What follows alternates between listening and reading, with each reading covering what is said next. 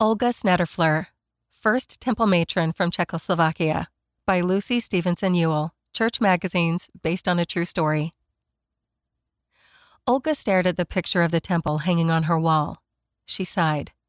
If only her family could go to the temple. But there were no temples close by, and it was too hard to leave her country. Olga had been baptized years earlier, but then the missionaries were forced to leave the country. Members of the church weren't allowed to go to church anymore. They couldn't even talk to others about their faith. Olga still kept living the gospel. So did her husband, Jiří. They prayed and read the scriptures. They had home evening and taught their children. On Sundays, they had sacrament meeting in their little apartment. They hung up lots of temple pictures. And when Olga and her family felt lonely, they remembered that there were thousands of church members around the world. One day, something exciting happened. President Russell M. Nelson, the Sunday School General President, came to their country to visit. Olga smiled as she shook President Nelson's hand. Then he made her a special promise Sister, one day you will come to the temple. Olga's heart felt warm. Thank you, she whispered. Months passed, then years. Olga looked longingly at the temple pictures hanging on the walls. Going to the temple seemed impossible. After four years, Olga and Jiří were invited to go to General Conference in Salt Lake City, Utah, USA.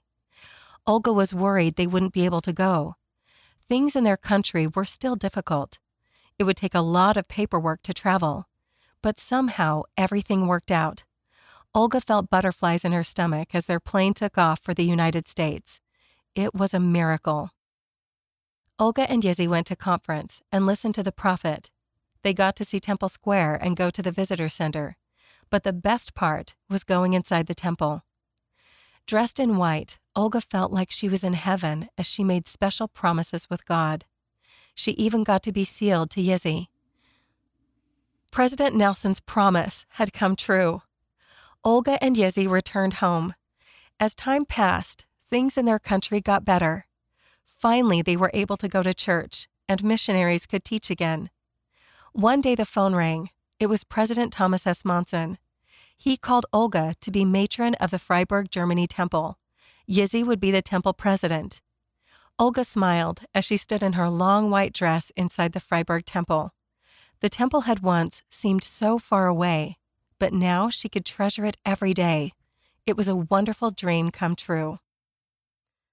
Today, Czechoslovakia is known as the Czech Republic. There are hundreds of castles in the Czech Republic. A temple matron is a female leader in the temple. Olga had more than 20 pictures of temples in her apartment. She and Jiří had a son and a daughter. She kept a photo book with pictures of the missionaries who taught her. Read by Emily Flegel Gubler.